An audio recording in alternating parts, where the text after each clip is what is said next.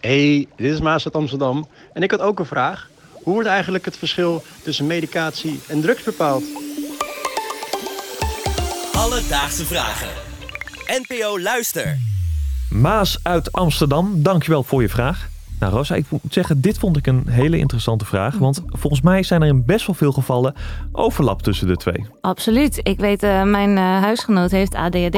En zij neemt dexamfetamine. En dat komt dus heel erg overeen met speed. Ja, eigenlijk wel. Ja, Ja, nou, zo heb je wel meer voorbeelden. Um, ook bijvoorbeeld in de geschiedenis. Want als je terugkijkt, zijn eigenlijk heel veel nou, ja, dingen die we nu als drugs kennen begonnen als uh, medicatie. Hm. Bijvoorbeeld cocaïne, ja. heroïne en zelfs ketamine. Zo. Ja, ketamine wordt nu ook nog gebruikt. Ja. Steeds meer. Maar heroïne, dat wist ik niet. Ja, het was vroeger een, een verdoofmiddel. Wauw. Dus eigenlijk ja, heel veel dingen met veel overlap. Een goede vraag dus uh, van Maas. Want ja, hoe bepaal je nou wanneer iets een medicijn is of een drug?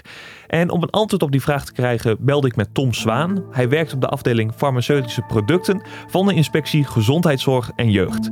En voordat we een antwoord op de vraag van Maas geven, eventjes terug. Want wat is nu eigenlijk een medicijn en wat is een drug? Voor een medicijn of een geneesmiddel uh, staat die heel duidelijk in de geneesmiddelenwet. En die zegt eigenlijk heel kort uh, dat als iets als een geneesmiddel wordt verkocht of als het daadwerkelijk als een geneesmiddel werkt, uh, dat het dan als een geneesmiddel wordt gezien in het kader van de wet. En dat je dus ook aan de geneesmiddelenwet moet voldoen. Iets werkt als, als een medicijn als het een, wat we dan noemen, een farmacologisch, immunologisch of metabol effect heeft. Waarbij het er feitelijk op neerkomt dat het een, een gunstig effect heeft voor de volksgezondheid. Als je het hebt over drugs, dan is die wat breder de definitie te geven.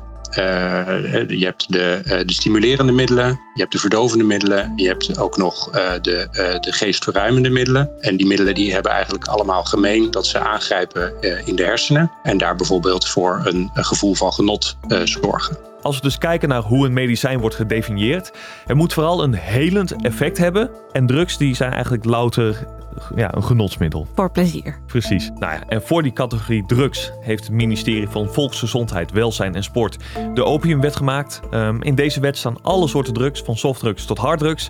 Maar niet elke drug staat hierin en eigenlijk moet per product worden bekeken wat het is. Maar ja, hoe doen ze dat precies? Wanneer is iets een medicijn en wanneer een drug? Het verschil tussen een drug en een geneesmiddel hangt uh, hangt eigenlijk af van of het een medische toepassing kent of niet. Ik denk dat dat het belangrijkste onderscheidende criterium is. Als het voor zuiver recreatief doeleinden uh, bestemd is, dan valt het niet onder de rijkwijde van de geneesmiddelenwet. De belangrijke nuance is daar wel bij dat wij dat altijd van geval tot geval beoordelen. Er zijn bijvoorbeeld wel producten te benoemen die beide elementen in zich hebben. Hè. Dus we kennen ook heel veel voorbeelden van, van producten die afhankelijk van hoe ze worden toegepast, als geneesmiddel worden gezien. Uh, maar bijvoorbeeld ook in een andere toepassing als een drug kunnen worden gezien. Uh, een goed voorbeeld daarvan is bijvoorbeeld fentanyl. Hè. Op het moment dat je krachtige pijn, pijnbestrijding nodig hebt, dan kan je fentanylpleisters krijgen. Dan is het echt bedoeld als pijnbestrijding en dus is het een geneesmiddel. Maar we zien ook veel fentanyl weer in de, in de drug zien. En dat zijn voorbeelden van dat het allebei zou kunnen. Toch best lastig lijkt me dat. Heel ingewikkeld. Want het gaat twee kanten op. Ja, enerzijds kun je het uh, natuurlijk gebruiken om bijvoorbeeld uh, klachten te verlichten. Ja. Maar ja, je hebt natuurlijk ook altijd mensen die denken, weet je, ik, ik vind het wel een lekker gevoel geven. Ik uh, plak die stickers op een lichaam. Precies, maar je hebt hetzelfde met wiet natuurlijk. Want je hoort veel mensen die staar hebben of chronische pijn. En die gebruiken wiet om, voor verlichting. Maar ja, en heel, heel veel mensen die het ook gewoon alleen maar roken voor de plezier. Ja, een grijs gebied. Heel grijs gebied. Alledaagse vragen. We hadden het net over een uh, grijs gebied. En onlangs is er nog een middel geweest die dat precies laat zien.